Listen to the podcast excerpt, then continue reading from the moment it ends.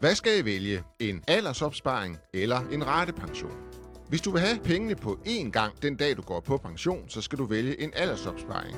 Hvis du vil strække udbetalingen over for eksempel 10 eller 30 år, så skal du vælge en ratepension.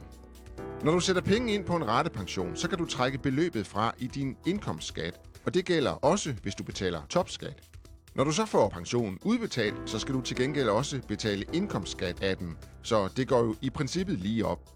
Men måske ved du allerede nu, at du som pensionist vil kunne klare dig for mindre, end du gør i dag. Og hvis du timer det sådan, at du går fra at være topskatteyder til at være bundskatteyder, når du går på pension, ja, så har du jo haft en pæn skattefordel af din ratepension. Du kan godt have flere ratepensioner. Mange har en ratepension gennem deres arbejdsgiver, samtidig med, at de selv har oprettet en privat i banken.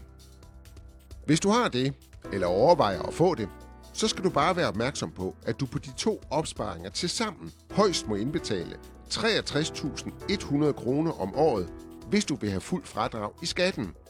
Beløbsgrænsen på 63.100 kroner gælder i 2024, men grænsen reguleres op med nogle 100 kroner hvert år.